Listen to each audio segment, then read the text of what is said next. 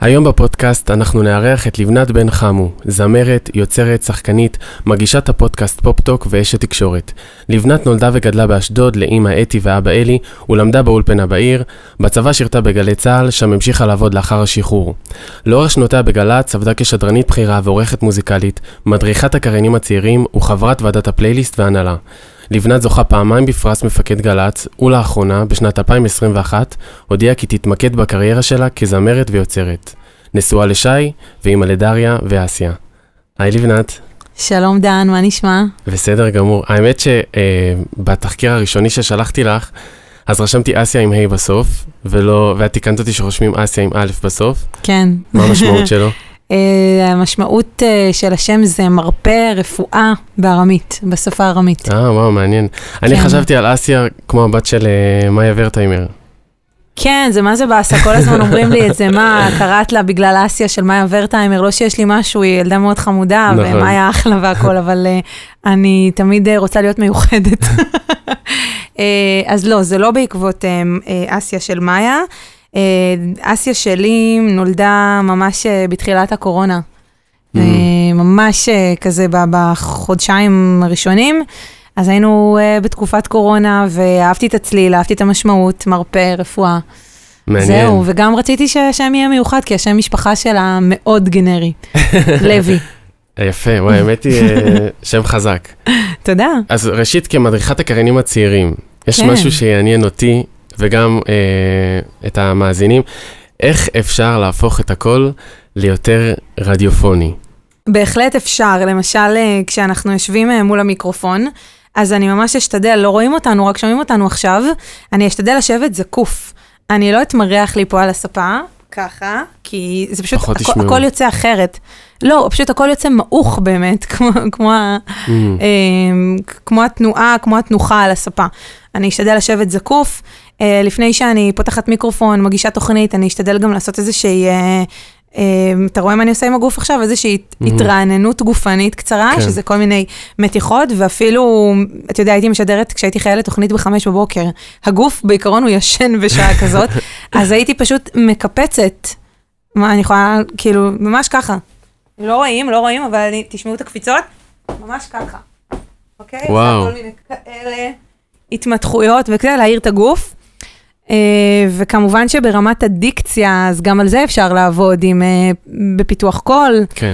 Uh, עם הקריינים הצעירים, הייתי עובדת בפגישות שבועיות, זאת אומרת, זה לא משהו של זבנג וגמרנו, זה תהליך ארוך. זה תהליך של התמדה, וגם לשמוע את עצמך, לראות איפה טעית ואיפה אתה רוצה לתקן. יש גם כל מיני דברים שקשורים באינטונציות חוזרניות, למשל, יש כאלה ששים לב איך אני מדברת עכשיו, אה, היי דן, מה נשמע? מה שלומך? איך אתה מרגיש? הכל בסדר? אוקיי? הכל נגמר למעלה, למעלה, למעלה. אני לא מסיים את המשפט. זה מעצבן את האוזן, אוקיי? צריך אה, לעשות את הדיבור בצורה של... עם אה, חתך נעים יותר. גלים. זאת אומרת, אם אני מתחילה, אני מתחילה פה, אני עולה קצת, ואז אני גם צריכה לרדת, אוקיי? Mm. Uh, כמובן שיש דברים שאני צריכה לעשות בצורה של קריאה, אוהבים נקניקיות? כן, אז שם אני, אני אעלה. אה, אעלה. אבל אה, בקיצור, יש עוד מלא מה להרחיב, נתתי לך איזושהי טעימה? לגמרי. אני, יש על מה לעבוד ואנחנו נקליט את ההצגה מחדש. לא, לא, לא, לא, לא, זה בדיוק מה שהיה צריך להיות. אני כן? לא מאמינה בלהקליט מחדש. אוקיי, Live to tape, מה אתה אומר? יאללה. פשוט נלך על זה. נזרום עם זה. נזרום עם זה, כן. זה גם לומדים, לומדים מטעויות. נכון. בדיוק העניין. זה החוכמה. תודה רבה על הטיפ הזה. בשמחה. אה, אז את אה, נולדת וגדלת באשדוד. ספרי לי קצת על הבית שממנו את מגיעה. אה, מה אני אספר לך על הבית? מה אתה רוצה לדעת? תרבות, רקע, אפילו מוזיקה ששמעת בבית, זיכרונות, משהו חזק, איזה. משהו שקושר אותך לכאן, לכאן. יפה, אנחנו מתקדמים. אמ, אז אני גדלתי בבית אמ, מרוקאי כאן בעיר. אמ, בית אשדודי, ההורים שלי אשדודים, אה, שני הצדדים מרוקאים. אה, גדלתי, את רוב חיי גדלתי באזור ה', למדתי בחזון יעקב, אם אתה מכיר. כן, הייתי ברננים, אני... אה, אתה ברננים, מעולה, זה ממש קרוב. כן. בקיצור, אז כן, המשפחה אה, מרוקאית, אני בת בכורה, יש לי עוד שלושה אחים, אה, בנים, שהם קטנים ממני. אה, משפחה אה, דתית, אה, חמה ממש, אוהבת, כאילו גם המשפחה המורחבת כזה, קשרים אה, מאוד חזקים עם הבני דודים ועם הדודים, ומלא שבתות אה, משותפות. אה, לא יודעת, תכוון אותי עוד. אז, לא, אז אנחנו מגיעים לזה שכבר הרמת לי להנחתה שלמדת באולפנה. נכון. כי זה כאילו דבר, דבר ש... חזון יעקב המשכתי כן. לאולפנה. אה, ומרגיש לי, לא רק באולפנה באשדוד, גם שאני מדבר עם, עם אה, נגיד, אה, בחורות דתיות, נגיד בבר אילן, אז, אז יש איזושהי תדמית של תלמידות שהן נורא נורא חרוצות. יש איזה משהו, כאילו שהן מאוד רודפות כזה אחרי המאה, מאוד, אה, אה, אה, גם בנתונים, כאילו, אה, תמיד האולפנה היא במקום הראשון מבחינת ממוצע זה בגרויות. עדיין קורה? אני, בדקת? הפעם האחרונה שבדקתי, כן. בתקופה שלי, אני סיימתי ב-2007, זה היה ממש ידוע לאולפנה שיש לנו 100 אחוזי בגרות. אה, וכן, הייתה אווירה מאוד אה, לימודית, אה, מאוד אה, אה, שאיפה למצוינות, לציונים. אה, כן, אני גם, אה, מה שנקרא, לכשעצמי, גם בלי קשר לאולפנה, אני מאוד אה, פרפקציוניסטית, מאוד אה, אהבתי ללמוד. ונורא נורא רציתי להשיג את הציונים הכי, הכי טובים, לא בגלל ש, שיש איזה הבדל בין 95 ל-100, אלא כי זה היה מין סריטה שיש לי, אני לא, לא יודעת להסביר את זה, אבל... עד היום אה, את אה, חושבת שאת ככה? כן, לגמרי. אני ממש ככה, ואני ממש מנסה אה, בשנים האחרונות לעבוד על עצמי, כי התכונה הזאת היא ממש הרסנית גם. אה, יכולה לגרום לנו לא לפעול בעולם ולא ליצור ולא לעשות אה, דברים שאנחנו נורא רוצים לעשות, רק מהפחד שזה לא יצא מושלם. יש איזה אנקדוטה כאילו בעניין הזה של הפסיכיות הזאת שלי, שאני זוכרת שקיבלתי אה, אה, 98, משהו כזה, במתכונת אה, במתמטיקה, עד חמש יחידות, לא יודעת, מתכונת סופית או משהו כזה, וזה ממש אה, הטריד אותי, שגם אם אני אקבל 100 סופי בבגרות, בעצם הסופי לא שלי יהיה את ה- 100. 99. כן. אז ניגשתי למתכונת חוזרת, למרות שקיבלתי אה, 98, משהו כזה. והצלחת אבל? כן. וואו. לא רוצה לחשוב מה היה קורה אם לא היית מצליחה. אה, תשמע, לא, לא, אני לא מספרת את זה בגאווה, אני מספרת את זה כהצצה לאיזושהי סוג של פתולוגיה, זה לא גאווה. כן. אז זה- גם התמודדות.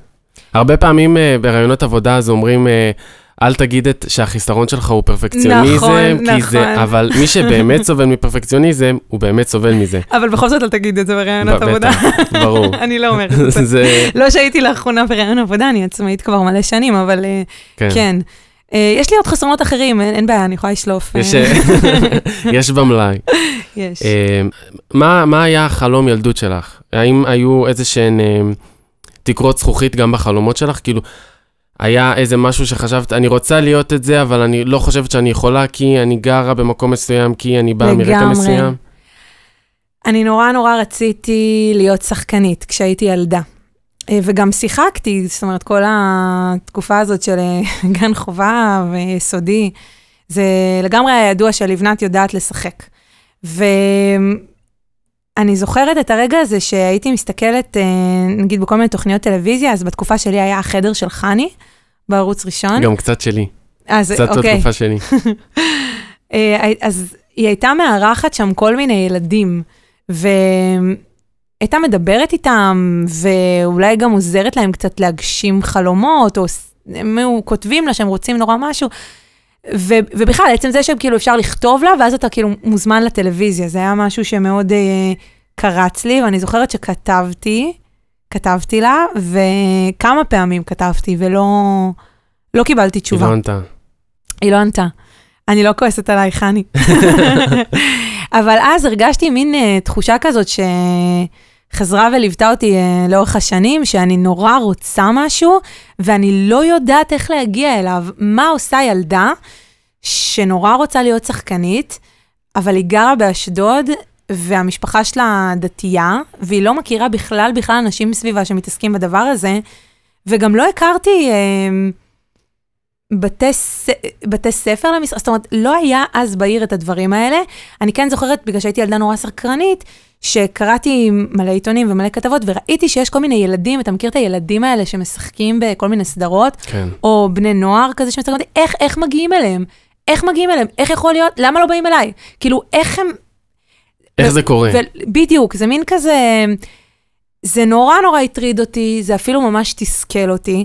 אחרי זה הבנתי שיש ילדים שלומדים בכל מיני בתי ספר שהם מה שנקרא מיוחסים, כל מיני תלמה ילינים שכאלה, מהמם. תיכונים לאומנויות, שאז אם מלהק, הוא יודע שהוא צריך ללהק איזה ילדה בת 15 לסדרה, הוא הולך בדרך כלל למקומות האלה. או עירוני יש שם- א', או בדיוק, עירוני א', מגמות משחק, אמ, כל מיני אמ, מעגלים שאני, לא רק שלא הייתי חלק מהם, גם ממש לא היה לי דרך להגיע אליהם. אני זוכרת כן. שאמרתי לאימא שלי, כאילו הייתי, הייתי מדברת על זה ממש בתור ילדה, הייתי אומרת, אני כשאני אהיה בת 18 אני אתגייס לצבא, ואז אחרי שאני אתגייס, אני אומרת לך כאילו ילדה בכיתה ד', כן? אחרי שאני אתגייס, אחרי שאני אסיים את הצבא, אני אעשה, אני אלך ללמוד בבית צבי. כאילו קראתי בעיתון שיש בית ספר למשחק שנקרא בית צבי, לא ידעתי כלום, כן? אבל אמרתי לאימא שלי, אני אלך ללמוד משחק בבית צבי. ובערך בגיל 12 הבנתי שיותר מעניין אותי לא- להיות זמרת. כן. זאת אומרת, לשיר. וזה גם קרה במקרה. והגיוס שלך, אה, הגיוס שלך לצה"ל, היו לבטים לפני, אם להתגייס, אם לא. לעשות שירות לאומי? היה לי ברור שאני מתגייסת. זה היה חריג אז? אה, ב- ביחס זה לחברות די- שלך ש... זה די היה חריג, נגיד אה, באולפנה היינו משהו כמו 90 בנות בשכבה של י"ב, אז ממש היינו, אפשר לספור על כף יד אחת את הבנות שהתגייסו. יש כמו חמש בנות התגייסו מתוך 90, זה די מעט. וואו. כן. והיית שלמה עם זה. לא הייתה אפילו התלבטות. וואו. היה לי ברור שאני רוצה להתגייס, כי לא רציתי להישאר בתוך המעגלים המוכרים האלה של, אוי, עכשיו תלכי להיות בת שירות, ותהיי באיזה בית חולים, תחליפי מצעים. לא שאני מזלזלת בזה, אבל ידעתי שהדרך שלי להיחלץ מ- מהמסלול מהגל. הקבוע הזה של הבחורה הדתייה מאשדוד, זה להגיע לצבא. לא ידעתי אז שאני הולכת להיות בגלי צה"ל, מן הסתם. גם בכלל לא חשבתי שזאת אפשרות להיות בגלי צה"ל. אבל ידעתי שכאילו אני רוצה לצאת מה, מהסביבה המוכרת. ואיך עבדו המיונים לגל"צ? אני משער לעצמי, תמיד יש איזה, איזה שהן קונספירציות על המיונים לגל"צ, על השאלון ששואלים, על uh, כל מיני דברים כאלה, איך, מה באמת קורה שם? אני יכולה לתאר לך מה קרה בתקופה שלי, אה, לאו דווקא שזה מתאר את המצב היום, ואגב, אני גם יודעת גם קצת מה המצב היום, מכיוון שאני ממיינת מועמדים אה. לשירות בגלי צה"ל, זה קורה ממש בימים אלה, דרך אגב.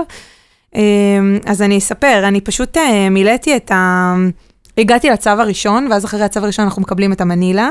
אה, ובתוך המנילה היה אשכול דוברות ומידע, נשמע לי מעניין, אה, סימנתי, ואחר כך קיבלתי מיונים לגלי צה"ל, אה, מיונים בגני התערוכה, אלפי בני נוער שמגיעים להתמיין דאז, גם לדובר צה"ל, גם לבמחנה, זיכרונו לברכה, זה העיתון הצבאי, כבר לא. קיים, וגם לגלי צה"ל, ואתה צריך לסמן שם מה העדיפות. אז uh, סימנתי גלי צה"ל, כי נשמע לי מעניין כזה רדיו לדבר. לא האזנתי לגלי צה"ל באותה תקופה, אבל הייתי מאזינה לתחנות אחרות, לרדיוס 100 FM, לרשת ג', לרדיו לב המדינה. כן, מאוד האזנתי לרדיו, רק לא uh, לגלי צה"ל. Uh, ואז, אחרי שעוברים את השלב הזה, זה בעצם שלב של uh, שאלון ידע כללי, שאלון אמריקאי. 100 שאלות של ידע כללי, עוד 25 שאלות שהן יותר מוכוונות תרבות, ועוד 25 שאלות שהן אוריינטציה עיתונאית, לבדוק אם יש לך חושים עיתונאיים, מה שנקרא. אה, אז עברתי את זה, באיזשהו שלב, אבל אני מניח שגם ראיינו אותך. נכון, ואז הגעתי לשלב של הראיון. דינמיקה קבוצתית וראיון. נכנסתי לחדר, אחרי שהמתנתי איזה שלוש שעות ב... בחדר המתנה, לא באמת חדר המתנה, זה כאילו מקום שבקושי אפשר לשבת בו. אמ, עמדו שם, לא עמדו, ישבו, משהו כמו עשרה אנשי גל"צ, שלא ידעתי מי הם, אבל חלק מהקולות אה, היו לי מוכרים. ואני לא ממש זוכרת הרבה מאותו ראיון, האמת שממש בימים האחרונים אמרתי לעצמי, איך בא לי כאילו לחזור, להיות רגע זבוב על הקיר, שהיה איזשהו תיעוד לראיון שלי מאז, כי, כי פשוט אני ממיינת עכשיו, אני אומרת, איך עברתי את המיונים האלה? אני פשוט לא מאמינה, אני, אני רצינית, אני לא מאמינה שעברתי. זה כל כך אה, קשוח, בטח לילדה כמוני, ילדה שבאה מהמקומות שבאתי מהם, זה כאילו כל כך שונה ממה שבאתי ממנו. אני באמת נורא הייתי רוצה לדעת מה היה שם, כאילו מה גרם להם לחשוב ש... שכן, איזה צריכה קטע שאת להתקבל. אומרת את זה. כן. ו- אז, אז עשית את זה. אני לא אומרת את זה מתוך מיעוט uh, בערך העצמי שלי. לא, זה... ההפך, אני אומרת, כאילו, הייתי צריכה להיות ממש יוצאת דופן כדי לגבור על כל ה... מה שהלך שם. ועד היום מגיעים המון המון מבתי ספר שהם מאוד מאוד, אה, אה, מה שנקרא, מיוחסים, בולטים. אני מדברת איתך על הריאלי בחיפה, אה, לידה, ירושלים, כן. אה, כפר הירוק, עירוני א', תל מעלין, כל הדברים האלה, כן. אה, ועשית את זה, וזכית אה, לטייטל הקריינית הדתייה הראשונה בגל"צ. אה, ואיך זה היה לשרת שם? אני, אני יודע שהיום מהצד, אה, גלי צה"ל, נראה לי שהיא קיבלה תדמית דווקא יותר נגישה. זאת אומרת, יש הרבה יותר מגוון גם במוזיקה וגם מבחינת הקריינים שם. היום היא הרבה יותר נגישה והרבה יותר... אה, מרגיש שהיא פתוחה לקהל הרחב, אבל אני מניח שלפני 15 שנים, אה, יכול להיות שזה אולי היה קצת יותר מורכב, הרגשת את השוני כשהתקבלת לשם? בטח. אני מקשיבה לך ואני רוצה באמת לחזור לחוויות שלי אז, לא לדבר איתך בסיסמאות שאתה יודע, לפעמים אתה מקשיב לעצמך מבחוץ, אתה אומר, כאילו כבר עניתי על, ה, על השאלה הזאת, ואני רוצה באמת אבל לדייק ולא להביא את זה, איזה משהו שאני רגילה להגיד.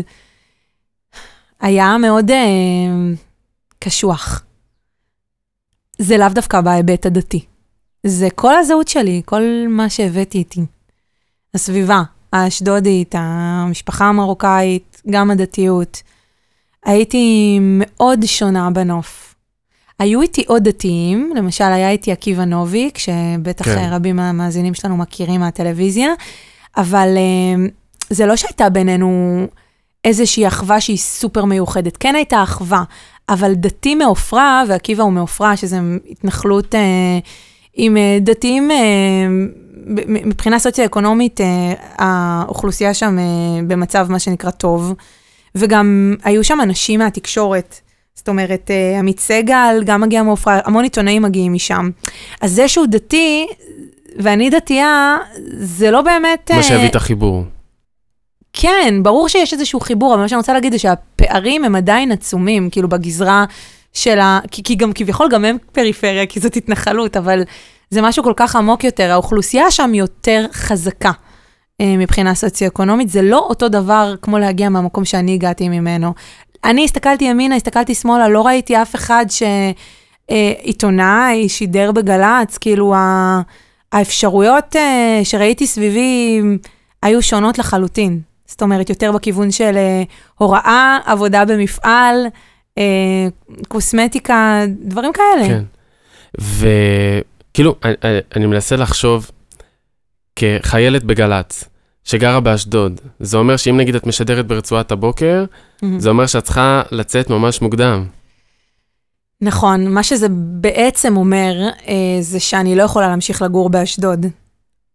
כי מי שמשדרת בחמש בבוקר, כל בוקר, אין אה, תחבורה ציבורית בשעות האלה. וגם אני צריכה להיות בעצם בתחנה בשלוש וחצי, שלוש ורבע, כי, כדי להספיק לקרוא את העיתונים שמגיעים באזור אה, שלוש וחצי, רבע לארבע, כי זאת הייתה תוכנית אה, בוקר של קריאת עיתונים.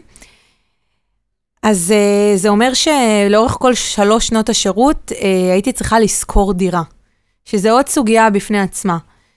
כי מה זה אומר לשכור דירה? זה אומר שאתה צריך לשכור דירה באזור יפו-תל אביב. עכשיו, אז בסדר, יפו עוד לא הייתה אה, בפריחה הנדל"נית שבה היא נמצאת היום, אבל עדיין אה, זה, זה לא היה פשוט אה, לגור באזור תל אביב. רוב החיילים היו גרים באזור תל אביב. זה אומר שאני צריכה להוציא מהכיס בערך אה, 2,000 שקל בחודש, אז 1,800, אולי 1,500 אם אתה, אה, אם, אם, אם אני בוחרת לגור אה, עם שניים באותו אה, חדר, זאת אומרת עם עוד מישהו בחדר. אה, לא היה לי את האמצעים האלה. לרוב החיילים כן היה את האפשרות לקחת מההורים שלהם את הכסף הזה. וזה היה עוד אתגר שהיית צריכה להתמודד איתו נכון, בנוסף נכון. בשירות. הצבא כן מסייע, סיוע לשכר דירה, מה שנקרא, אבל uh, זה ברמת ה-600 שקל, ולא היה לי את הסכומים האלה, אז הייתי צריכה להיות יצירתית. Uh, הייתה לי חברה שעשתה uh, שירות לאומי בבת ים, חברה מהאולפנה, uh, הילה מלכה, שאמרה לי, תשמעי, אני, יש איזו דירה, דירת שירות פה בעיר, שיש בה רק uh, שלוש בנות, ו, ויש מקום, יש עוד מיטות. אז אולי תדברי עם uh, בת עמי, אה, זה, זה הארגון ש, Mm. של, ה, של השירות אה, הלאומי, אז באמת הרמתי להם טלפון ואמרתי שאני אה, חיילת בגל"צ ושאני דתייה ואני מחפשת גם לגור בסביבה דתית, כדי לשמור ככה, לשמור על עצמי כמה שאפשר, ויש לי 600 שקל סיוע, ואם זה מתאים אז אני יכולה להביא את ה-600 שקל האלה, ואם אפשר כאילו, וזה מה שקרה. בעצם הייתי וואו. גרה בדירות שירות אה, שלוש שנים. סיימת את השירות והמשכת לעבוד, המשכת לעבוד כקריינית, עורכת מוזיקלית, אה, שדרנית בכירה, ואת אה, חשבת שתישארי שם? לא, לא ידעתי. איך זה שזה קרה? מה שיקרה. Um, כמה חודשים לפני השחרור, um, דלית עופר, המנהלת של גלגלצ, uh, זימנה אותי לחדר שלה, הגשתי אז uh, תוכנית יומית, קולות החיילים. בוא נגיד שאם uh, בשנה השלישית את משדרת תוכנית יומית, זה אומר שמעריכים אותך. כן. אז כן ידעתי שאני מוערכת במידה מסוימת, אבל לא חלמתי על זה שאני אשאר בתחנה. Um, לא יודעת, פשוט קרה, אני מניחה שזו הצטרפות של נסיבות, שהתפנה מקום, פשוט התפנה מקום, ו, ואני הייתי שם, ודלית חשבה שאני ראויה להמשיך גם אחרי uh, השירות הצבאי. ואז המשכתי להגיש uh, תוכנית uh, בוקר, uh, מ-8 עד 10, זה היה בדיוק בתקופה שהדר מרקס עזבה את הרדיו. אה, היא עברה ל-102, לרדיו תל אביב, אז כאילו התפנו משבצות. היא הייתה משדרת את הרצועה הזאת של הבוקר, 8 עד 10, ואז אני עברתי לשדר.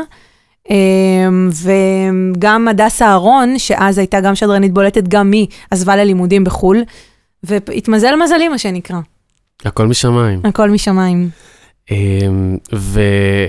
ובמרוצת השנים גם היית אה, חברה בוועדת הפלייליסט, אה, שזה הפלייליסט של גלגלצ, להיכנס אליו זה חלום של כל אה, זמר ויוצר.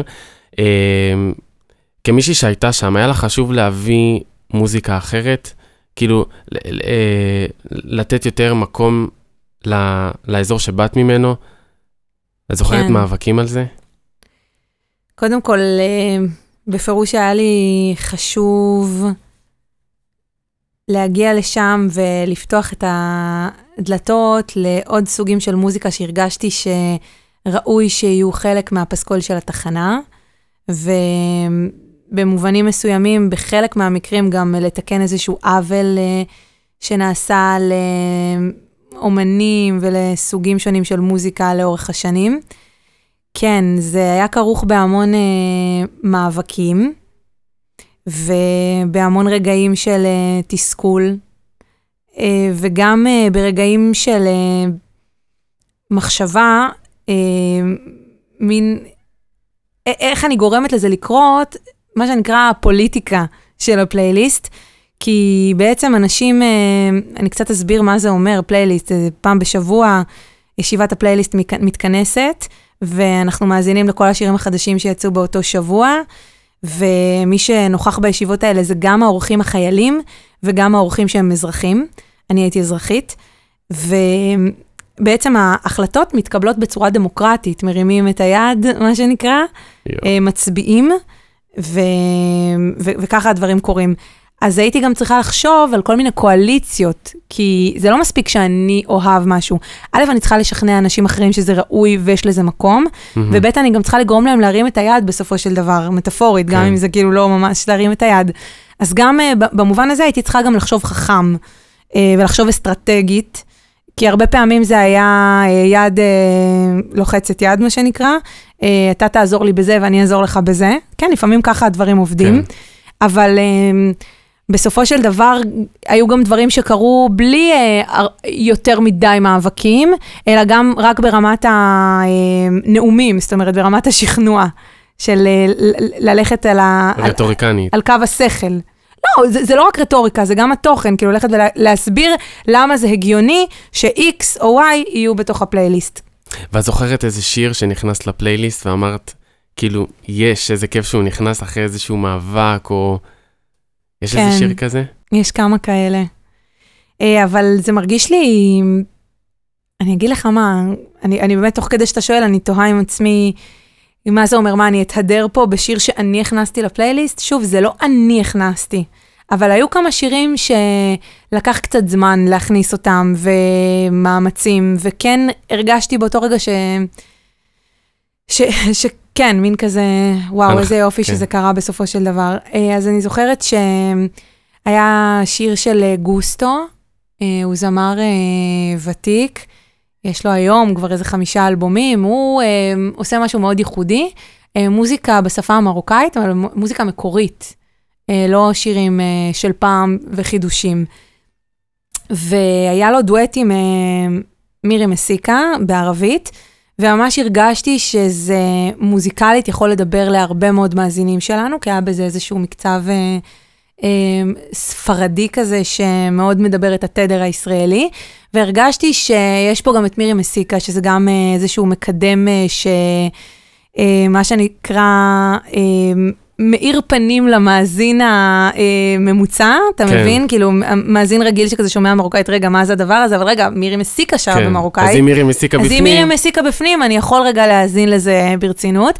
אה, אז היה את השיר הזה, את הדואט שלהם, והיה גם אה, שיר בפרסית של מורי נהדר, גולה גנדום, שגם אה, אה, היה, היה לי חשוב אה, שיהיה את הגוון הזה בתוך הפלייליסט, וגם אה, מקרים אה, יותר, אה, אה, מה שנקרא, אה, של פופ יותר מובהק, כמו אה, חנן בן ארי אה, וישי. ריבו, אה, וגם... אה, האמת שכל ה- ה- המגמות שתיארת עכשיו, הם הם ממש קורים במוזיקה העכשווית. זאת אומרת, גם ריטה הוציאה אלבום אה, בפרסית, לירז צ'רחי גם.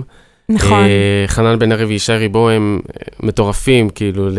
נכון, אבל אז, כשאני הייתי בפלייליסט, הם היו ממש בתחילת הדרך, והיו הרבה אנשים אה, שנורא חששו מהדתיות Mm, שלהם, גם חיצונית וגם אה, מה שנמצא בתוך המוזיקה, בתוך הטקסטים. ואני הרגשתי שזה הדבר אה, הכי ישראלי בעולם. חנן בן ארי, כאילו. כן. האמת שאיש הריבו לא האמנתי שהוא יתפתח לממדי הענק שהוא נמצא היום, כי הטקסטים שלו מאוד, אה, מה שנקרא, אה, פסוקיים, כן, ויש בזה משהו נורא נורא מרשים להגיע עם טקסטים כאלה לכל בית בישראל כמעט, אה, אבל עדיין האמנתי בו והאמנתי בחנן. אה, ובכלל, היו גם עוד רגעים של אה, זהבה בן, עוד לפני שהיא הייתה באח הגדול. כן. שגם זה היה נורא מרגש מבחינתי ששיר שלה, אחרי שנים שהיא לא הייתה בפלייליסט, מקבל כן. הכרה, חשוב. עכשיו, לפני שנסגור את גלגלצ, בדרך כלל אני תמיד שואל אה, אשדודים שעברו לתל אביב, מה קיבלת, מה המפגש עם האוכלוסייה הזו הביא לך. אבל אותך דווקא אני רוצה לשאול, מה את, איזה ערך מוסף את הבאת לאנשים שם? את חושבת לא, ש... אתה צריך, תצטרך לשאול את זה אותם. את, את, לא היה אני לא יכולה לדבר על שראית? עצמי. אוקיי, אני אשאל אותם. אתה יכול אבל לשאול אותי את השאלה הר- ה- ה- הראשון, אה, הראשונה. המקורית. כן. מה את- מה את לקחת מהמפגש הזה? אני חושבת, אה, וגם צריך להגיד את הדברים, שכשהייתי פה ילדה בעיר, במרחבים של האולפנה נגיד, אז כל הזמן הרגשתי שאני נורא רוצה, ואין לי איך. והסביבה שלי הייתה סביבה שלא מספקת את הסקרנות שלי ואת, ה, ואת הרצונות שלי ואת החלומות שלי. וגם את השפה והנושאים שהייתי רוצה לדבר עליהם. וכשהגעתי לגל"צ, אז פתאום הרגשתי, לצד כל הזרות הזאת, אה, גם אה, כיף נורא גדול, שפתאום אני יכולה לדבר עם אנשים על כל הדברים ש... לנתח אה, יצירות אה, מוזיקליות, יצירות תיאטרון, או אה, לדבר לעומק על אקטואליה, ולא כל כך היה לי פרטנרים לדבר הזה פה בעיר. אה, ובמובן הזה, היה לי נורא כיף להגיע למקום ש... מה שנקרא, השיחה היא ברמת הפינג פונג, אתה יודע למה כן. אני מתכוונת? שכאילו טק, טק, טק, טק, לא צריכה להסביר את עצמי יותר מדי, לא צריכה עכשיו אה, לשבת ולתת הקדמות, או כאילו, אתה, אתה, זה או- פשוט, כן, הכל, היה, לנסות, הכל היה אה, הרבה יותר מהיר, ו, ופשוט, זה, זה כיף להיות נורא נורא מובן, זה כיף גם שיש לך מקום להביע את כל הצדדים שיש בך. אה, בלי, בלי לפחד שישפטו אותך, או לפחד... אה, לא, כן יש פחד שישפטו אותי, זאת אומרת, הצדדים האחרים, היותר פריפריאליים, מרוקאים, דתיים שלי, זה כן משהו שלקח לי זמן להבין איך להביא.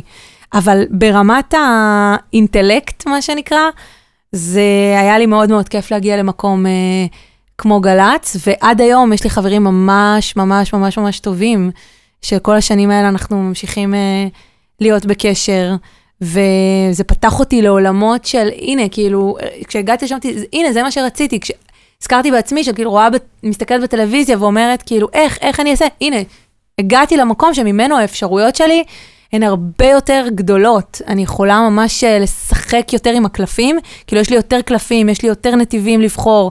אה, כאילו מנעד האפשרויות הוא פשוט גדול דרמטית, וזה כיף נורא גדול. התפתחת. בטח. זה מפתח. ברור. כן. ואיך היה לגור בתל אביב? זה שאלה, אני... אני באמת מנסה לשאול את עצמי, אני כל כך לא הייתי אה, תל אביבית טיפוסית, אני גם ממש בן אדם של בית, אשרש וביתך, מה שנקרא. כאילו, גם כשהייתי אה, בת 21, 22, לא היית מוצא אותי כזה מתקרחנת בלילות. אה, היה, היה משהו כיפי, אני לא אשקר בלגור. אה, כשהייתי סטודנטית גרתי בבוגרשוב, זאת אומרת בחובבי ציון, ממש על גבול בוגרשוב. אז כן, היה, היה כיף במידה מסוימת, אבל... אה, אף פעם לא הרגשתי בבית. ואחרי עשור, משהו כזה, את mm-hmm. חוזרת לאשדוד. אה, איך היה לחזור לכאן? היה מוזר. כשגרת בתל אביב, אז אולי היית uh, נשענת על uh, געגועים רומנטיים באשדוד, אולי היה ככה, ואז כשהגעת לאשדוד ראית שאולי פתאום זה לא כמו מה שאת זכרת. נכון, בעיקר אני זוכרת חוויה ראשונית. אני הגעתי כשאני כבר אימא לילדה בת שנה. ונכנסנו אה, ל... באמצע השנה למעון, mm-hmm. ואז אה, בעצם אני פוגשת את כל ההורים של הילדים האחרים במעון. ואני זוכרת שהיו כל מיני עניינים כזה, של כל מיני בירוקרטיות של מעון שצריך אה, ככה לקדם, אז כאילו בקבוצת וואטסאפ, אז אני, אני כותבת אה, כל מיני דברים, ואני שמה לב שמשהו בשפה, כאילו שאין... אין איזשהו... סינכרון? אה, סינכרון, אני לא יודעת איך להסביר את זה, כי ברור שהם מבינים את השפה.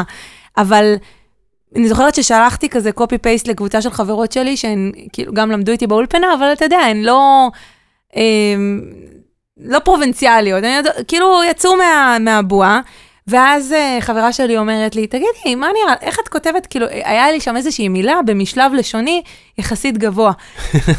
אז היא אמרה, כאילו, את, את uh, מה שנקרא, את עשית uh, רושם של פלצנית, כאילו. זה מעצבן, אבל. זה נורא מעצבן, אני נורא חשבתי, גם קלטתי שכאילו אני באה לדבר ומסתכלים עליי אחרת. כאילו, לאו דווקא הם לא יודעים שבאתי עכשיו מתל אביב, הם לא יודעים את זה, אבל איך שאני מדברת, מרגיש להם תל אביבי. לפעמים, מרגיש להם כן. לא מפה, מרגיש להם לא מפה.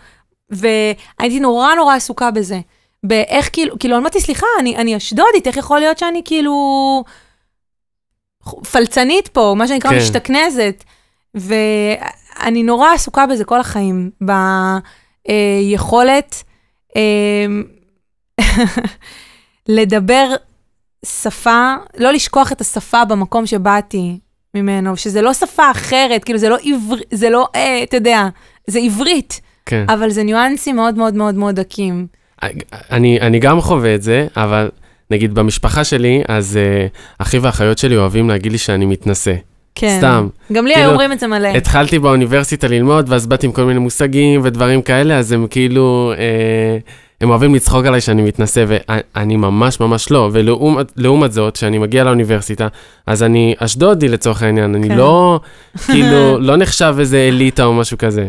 זה, זה, אני ממש מרגיש את זה, שאת, ברגע שאת עושה איזשהו שינוי, או מרשה לעצמך אה, להגיע למחוזות אחרים, אז את, או לדבר בצורה מסוימת, אז את נחשבת מתנשאת, ואת צריכה כאילו להיזהר על זה ולראות שאת לא פוגעת ו, נכון, ודורכת נכון, על אחרים. אז כל, כל החיים שלי אני מרגישה שאני הולכת בין הטיפות, בין, בין הפרפורמנס שלי על כל המשתמע אה, בסביבה היותר תל אביבית, ובין הפרפורמנס שלי אה, בסביבה שהיא יותר אה, אשדודית, או סביבה שהיא יותר מזרחית. אבל כן אני יכולה להגיד לך שאני מרגישה שאני, יחסית לאנשים אחרים, אני מאוד uh, משייטת בקלות על הציר הזה. וזה אחרי שנים, כן? אבל אני מרגישה שאני יודעת לדבר גם עם uh, uh, אנשים מהשכונה שגדלתי בה, uh, וגם עם אנשים, uh, אתה יודע, מהמרכז, שזה כן. כאילו ברור מאליו, כי אתה יודע, אני שדרנית בגלגלצ, אבל אני מרגישה ש... שיצרתי לאורך השנים ועם השנים, איזושהי שפה כזאת שהיא גם וגם. אני חושבת שזה יעד ממש ממש מרכזי שלי. אגב, גם במוזיקה שאני עושה. נורא נורא חשוב לי לעשות מוזיקה שגם אימא שלי תוכל אה, לשמוע וממש ליהנות ממנה. אימא שלי כשם קוד. אני מתכוונת כאילו הדודות שלי, נגיד. Mm. שהן יגיעו להופעה ויהיה להן כיף. כן, שזה יצליח אה, ל- להזיז משהו. בדיוק. לפני איזה שבוע לקחתי את אימא שלי להופעה של אה, אה, שחק... הצגת יחיד בירושלים, וזו הייתה הצגה טובה, אבל אימא שלי יצאה מההצגה וזה לא דיבר אליה, ואני ממש, גם בלי לדבר איתה, ידעתי שזה לא ידבר אליה. ואני, ממש השאיפה שלי, זה שאני אוכל לדבר גם לחברים שלי מגל"צ, וגם לחברים שלי מהבית, זה ממש ממש חשוב לי. שכאילו לא להיות מעל מישהו, וגם לא לשנמך את עצמי יותר מדי כן. כדי להיות כאילו במה שקורה עכשיו, במה שהולך עכשיו. זה מאוד עדין, העניינים האלה. כן, צריך להיות מאוד מדויק. זה, כן. זה, זה מדהים, כאילו, שאת אומרת בסוף, אשדוד ותל אביב, זה כמה, 45 דקות ברכבת, ו... אבל הרבה הרבה הבדלים ב... כאילו, יש הבדלים מאוד גדולים ב... בתפיסה וב... לגמרי. גם אנשים אומרים לך, כשאתה מסתובב ואתה אומר, אשדוד, הם לא מזהים את זה בהכרח עם פריפריה, כאילו, אשדוד היא מזמן לא פריפריה, וגם יש פה בשנים האחרונות ממש אה, אה, פריחה תרבותית, עם כן. כל הפסטיבלים שיש והכול. אבל אני חושבת שמי שבאמת מסתובב פה בעיר, אתה יודע, הולך לסופר, הולך למכולת, הולך לחדר כושר, אה, יש פה אה, סגנון שהוא מאוד מאוד אחר מהסגנון של תל אביב. אפשר היה לראות את זה גם בפריפריה אימפריה, בסדרה ש... כן. אורטל בניסטי לקחה בחלק. אני חשבתי לקרוא לפודקאסט הזה פריפריה אימפריה, אבל אמרתי, לא, זה כבר תפוס... אה... אולי תביא אותה לפה לדבר. כן? אני חושב שזה רעיון טוב. זה גם ללכת לאיזשהו קיצון, אני מרגישה שכאילו אה, חסר לי האמצע, אתה מבין? כי כן. לא... יש את הדימוי הזה של אשדודים, שאני מרגישה שיש הרבה אנשים שלא נמצאים בתוך הקטגוריה הזאת של אשדודים. כמו שאני... מה שמנסים לייצר. כן, כשאני אומרת אשדודים, אני מתכוונת לכזה אוהבים מותגים, כן. אה, אוהבים מסעדות, מאוד שופוני. שומעים מוזיקה מסוימת. שומעים מוזיקה מסוימת. יש אה, אנשים שלא עונים לכל הקטגוריות האלה, והם גם אשדודים, ואני חושבת שאין להם מספיק קול, וגם אין להם מספיק אפשרויות בעיר הזאת. זה, זה, זאת האמת, למה שאני חושבת, שזה כאילו ממש מטריד אותי. זה גם... גם, uh... גם בעניין הדתי, סליחה שאני מתפרצת לך דברים, לא, פשוט כן. ממש בוער בי. אני היום, הבת שלי עולה על כיתה א', והמנעד אפשרויות שלה ושלי, כמישהי דתייה שרוצה שהילדה שלה תתחנך במסגרת דתית, אה, הוא מאוד מצומצם. בעצם האפשרות שלי היא ללכת או לבית ספר ממלכתי דתי, שביני לבינך, ובעצם אה, בין כל מי שמאזין עכשיו לפודקאסט הזה, זה לא באמת דתי. זאת אומרת, יש מלא משפחות אה, שפשוט רוצות איזושהי אווירה דתית שולחות, אז אני, אני רוצה משהו שהוא יותר דתי מזה, אבל היותר דתי מזה, זה או ש"ס, או להיות mm-hmm. חרדית, או להיות תורנית ברמה כזאת שלפני שבוע אני פוגשת מורה שלי מהאולפנה, במקרה, בחדר ההמתנה לחוג של הבת שלי, והיא אומרת לי, היא מספרת לי על המסגרת החלופית, שזה כאילו מסגרות תורניות, ככה זה נקרא, בית, בית ספר שילה ובית ספר נועם, והיא אומרת לי, אבל את לא תורנית. אמרתי לה, מה, מה זאת אומרת שאני לא תורנית? עכשיו, אני יודעת למה היא מתכוונת, אבל אני רוצה לשמוע אותה אומרת את זה.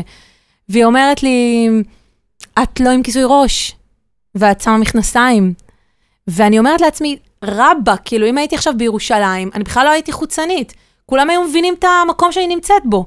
אני אישה דתייה, שומרת תורה ומצוות, במובן הזה אני תורנית, אבל המנעד שלי הוא פשוט לא מצומצם, אז אני לא הולכת עם כיסוי ראש, אבל אני מעבירה שיעורי תורה. אני בעצמי מעבירה שיעורי תורה לבנות של מדרשת באר. סבבה? פה בעיר.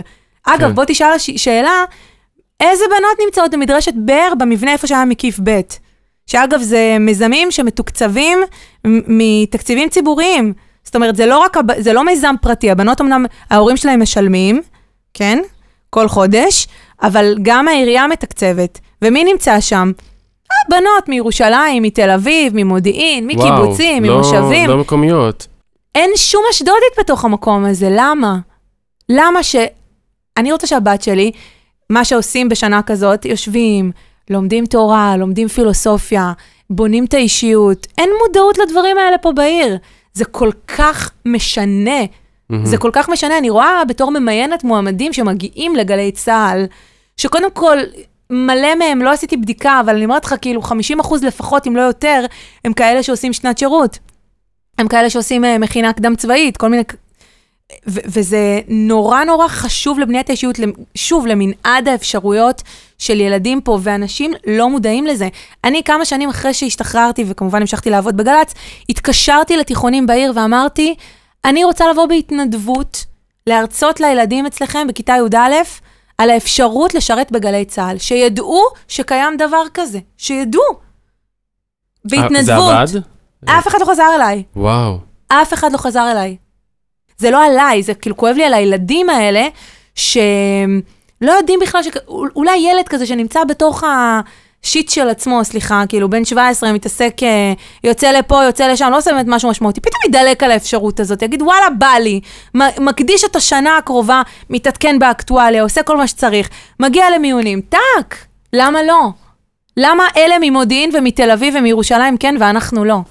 כאילו, זה מחרפן אותי, זה מחרפן אותי. יש, יש גם, אני יכול להגיד עליי כסטודנט לתקשורת ומדעי המדינה, ש- כשאני אומר שאני, שזה מה שאני לומד וזה מה שאני רוצה לעסוק בו, אז אני נתקל פה בעיר בהרבה... מה תעשה עם זה? כן, למה אתה לא הולך להיות עובד נמל? הרמת גבה. 25,000 שקל, לך תהיה עובד נמל, הרבה כן, יותר כסף. מנופאי. מנופאי, בדיוק. אין, אין מודעות לדברים האלה. אבל אני חושבת שהפתרון הוא בגישה של אה, אנשים פה שמתעסקים בחינוך, כאילו גם בתוך העירייה וגם בתוך בתי הספר. מנהלים ומנהלות של בתי הספר, אנשי צוות, רכזים, כאילו, תפתחו להם חלון, ת, ת, תגידו לילדים לאן הם יכולים להגיע, כאילו, מה האפשרויות ומה הם מפסידים כשהם מתעסקים uh, כל היום, סליחה, כן, בעלי מורה פה בעיר, כן? אני יודעת קצת מה קורה. Uh, ומה קורה שהם מתעסקים כל היום ב, באיזה מותג של איזה נעל uh, לקנות. אגב, זה, זה חוצה מגזרים, זה גם בדתי, וגם בחילוני, וגם במסורתי. כאילו, זה לא, זה לא ייתכן, זה לא ייתכן שהילדים צריכים לדעת מה הם מפסידים כשהם מתעסקים רק בזה. בין אם, כאילו, מודעות להתנדבות. זה בונה אותך. כשאתה מתנדב ב, לא יודעת מה, כנפיים של קרמבו או, או אנערף, מה, יש מלא ארגונים אחרים, אתה בונה, בוא, בינינו, יותר משאתה תורם, אתה תורם לעצמך. נכון. אתה תורם לעצמך כי אתה מגדל בעצמך יכולות של ניהול, יכולות של... אה, בין אישיות של להסתדר עם עוד אנשים.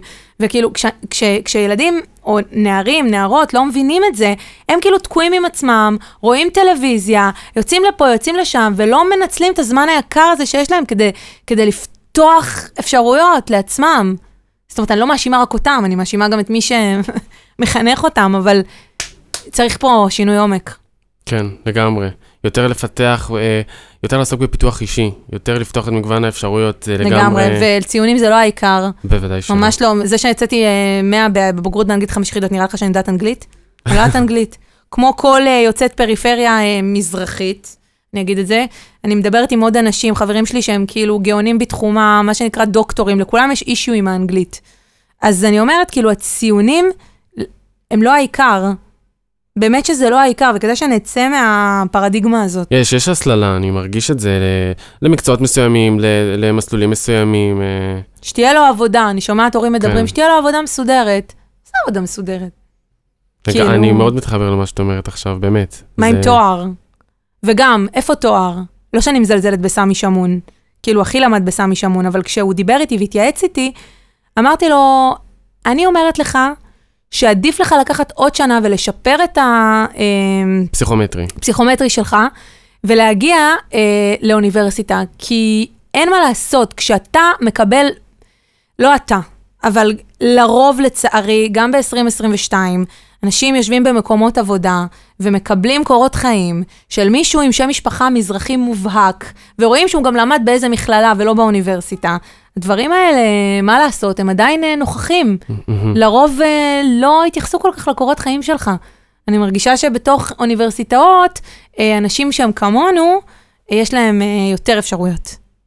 כן. ואגב, אתה יכול גם להביא לי, להגיד לי, מה, אבל אני מכיר מישהו, אין בעיה, כאילו, אין ספק שיש כאילו חריגות. אבל בסוף צריך לעשות הכל כדי לפתוח כמה שיותר דלתות. זה לא, זה לא לחפש לפתוח דלת אחת, זה בסוף כאילו לה, להרחיב את מנעד ה- הדלתות שאתה יכול לפתוח. ולהיות משמעותי בשדה, לא רק בשדה המצומצם שלך, ברדיוס שלך. למה, למה להישאר... תהיה פיוניר, כאילו, תהיה ראש החץ, כאילו, כן. תהיה... ואיך נהיים ראש החץ? איך נהיים בולטים בתחומך? אתה חייב לצאת מהקונכייה שאתה נמצא בה. אתה חייב לראות עוד אנשים, אתה חייב, כאילו, מי שרוצה להיות נאמבר 1, צריך להגיע למקומות שבהם מייצרים נאמבר 1. נכון, כן. אני פשוט ממש רציתי להיות תמיד, כאילו, להיות נאמבר 1. אני, אני באמת אומרת, אני, אני לא יודעת איך זה נשמע למי שמאזין מן הצד, אני מדברת בתור ילדה, כאילו, ממש קטנה, אני זוכרת שהייתי אומרת לאמא שלי, נגיד שהתגייסתי לגל"צ, אמא, אני רוצה שיזכרו אותי, אני רוצה כאילו לא להיות עוד אחת ששירתה בגל"צ, אני רוצה לעשות דברים משמעותיים. זה, זה מדהים שאת אומרת את זה, כי גם הסיבה שאני בוחר לעשות את מה שאני עושה, זה גם, אני חושב מאותו מקום של, אני, אני רוצה להיות טוב במה שאני, עושה, במה שאני עושה, אני רוצה להצטיין במה שאני עושה. כאילו, מרגיש לי שאם הייתי הולך על פי המסלול ה, אה, הרגיל, את יודעת, משפטים, אה, הנדסה וכאלה, הי, הייתי, יכול להיות שהייתי טוב, באמת, אני לא רוצה להמעיט בערכי, אבל, אבל לא הייתי מצליח להיות המצטיין, לא הייתי מצליח להיות ה... אה, להגיע לחוד החנית. כי, כי זה לא, זה כי לא זה אני. לא הפשן שלך. נכון, כי בן אדם צריך לעשות אה, במקום שבו התשוקה שלו נמצאת. זאת אומרת, אה, כל אחד יודע מה, מה, מה התשוקה שלו ומה המנוע שלו. ובאמת, אה, אני ממש מסכימה עם הניתוח שלך. וגם כסף נמצא בכל מקום, צריך לדעת לקטוף אותו. זה גם משהו שאני מרגישה ש... ש... שזה נכון. כאילו כי- הרדיפה הזו לכסף, תהיה בהייטק, יש שם כסף, אבל גם ההייטק לא יציב. ומי יודע מה יהיה עוד עשר שנים. אתה יכול לעשות הכל, פשוט צריך להיות מספיק עם אמונה ומספיק, אני מאמין שעם עבודה קשה. אה, נכון.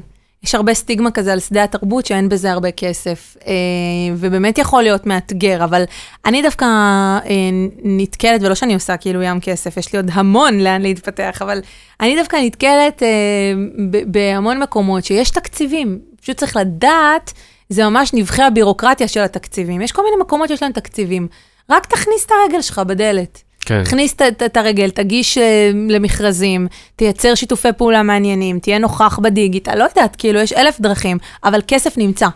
כסף ברור. נמצא, צריך לדעת לקחת אותו. זה בסוף הכל פוליטיקה. כאילו, אה, אני לא הקטע יודעת אם הזה זה של... פוליטיקה, זה נקרא פוליטיקה? של כאילו להבין, לחשב את הצעדים שלך ולדעת עם מי לדבר ולדעת למי לשלוח את המייל ולדעת מול מי אתה רוצה להיראות. יש בזה קצת פוליטיקה בעיניי. לגמרי, כן, עכשיו שכנעת אותי שבהחלט מדובר בפוליטיקה. נגיד, אני ממש מרגישה, לאורך השנים נהייתי כזה כתובת לכל מיני uh, מוזיקאים, ולא רק מוזיקאים, שכזה אומרים לי, אבל איך לעשות, איך כדאי לפנות, מה מקובל, מה לא מקובל. אלה שאלות מאוד מאוד מאוד נפוצות, כאילו, איך צריך להתנהג בכל מיני מרחבים. אה, ו, וזה ממש נכון, ש, שכאילו, זה, זה ידע שהוא ממש חשוב. כן.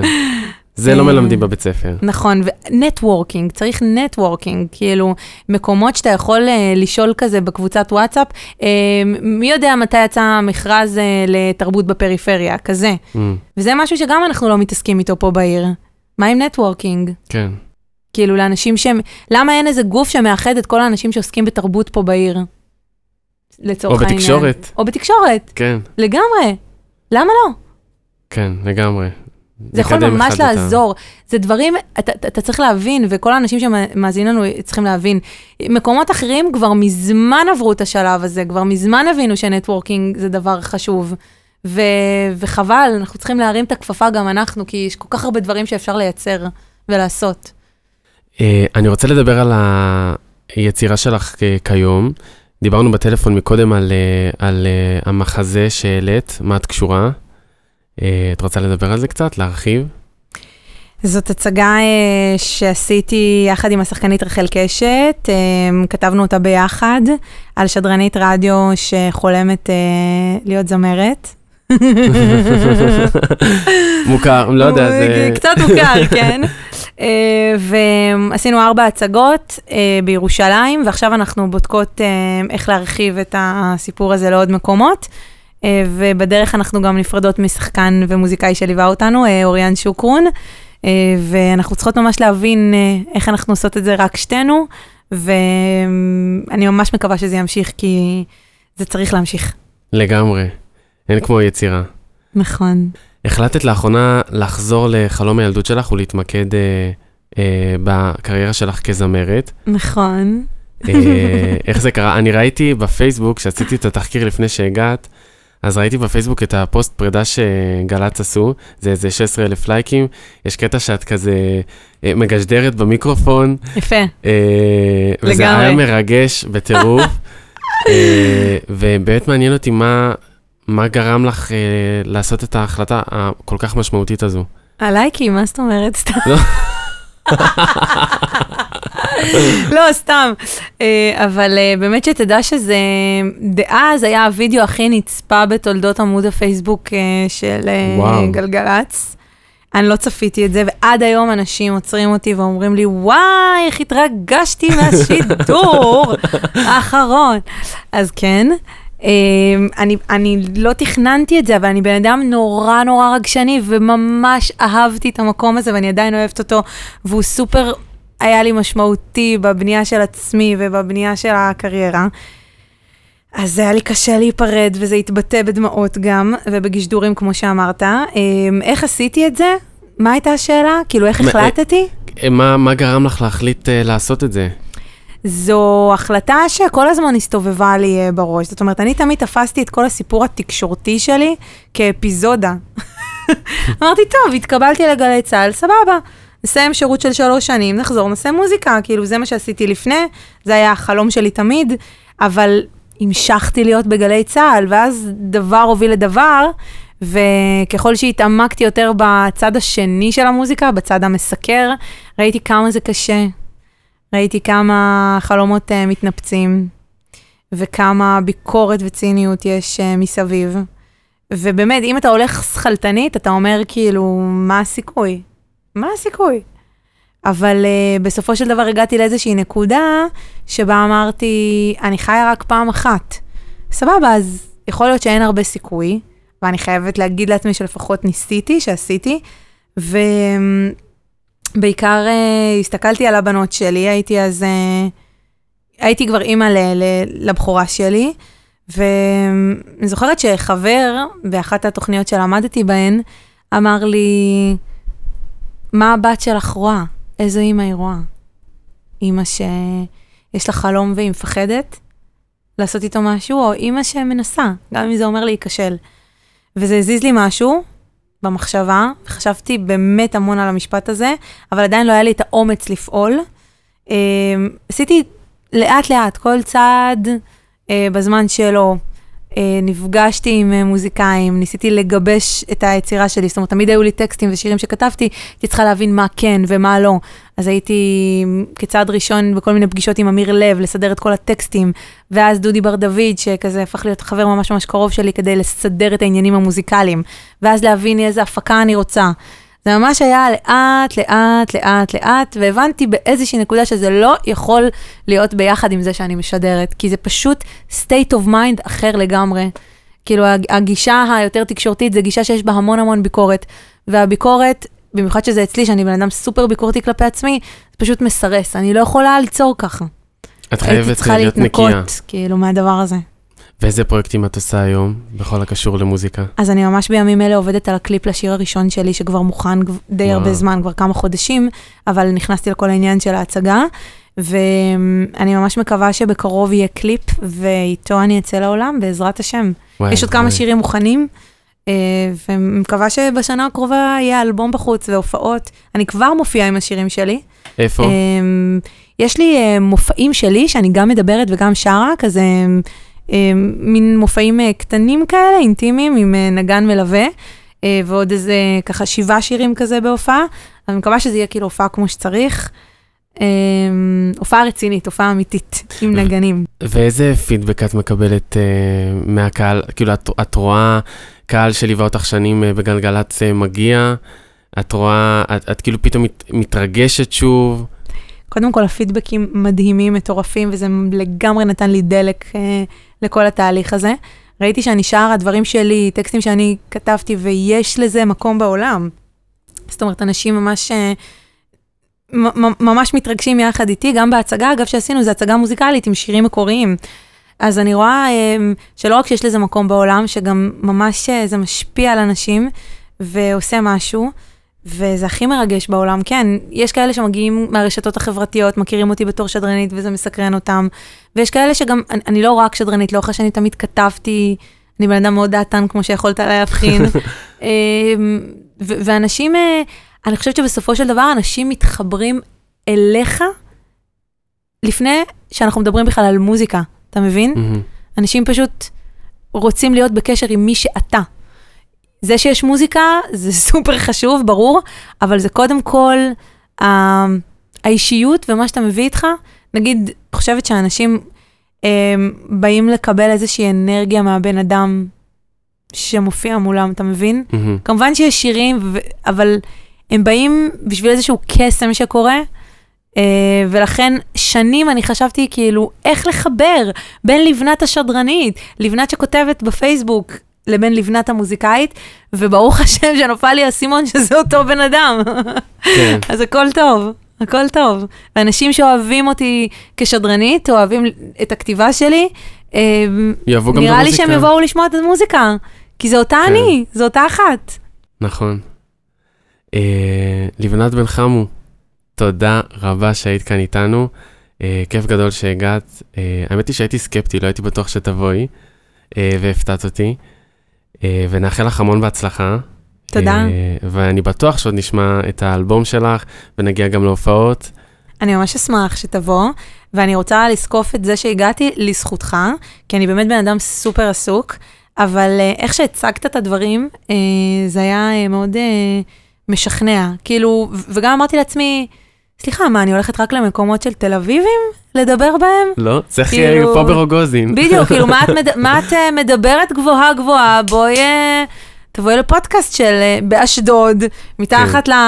לסנדוויץ' התוניסאי של מוריס. האיש והאגדה. האיש והאגדה, אני באמת הולכת לאכול עכשיו איזה בריק ככה, נשמע לי מתאים. רק ש... כן. שיישאר? לא, כן, אה, זה תור מטורף לפעמים. לא נכון, כן, זה מה שאמרו לי. באמת? כן, וואו. כן. הוא מיתולוגי. התוכנית בחסות הסנדוויץ' התוניסאי של מוריס. אה, זכינו ממך אה, לקריינות. ראית? תודה רבה, לבנת. תודה גם אה, ליוגב אמסלם, שאירח אותנו. באולפן שלו. כן, לגמרי, באולפן המהמם שלו. תודה, דן. תודה.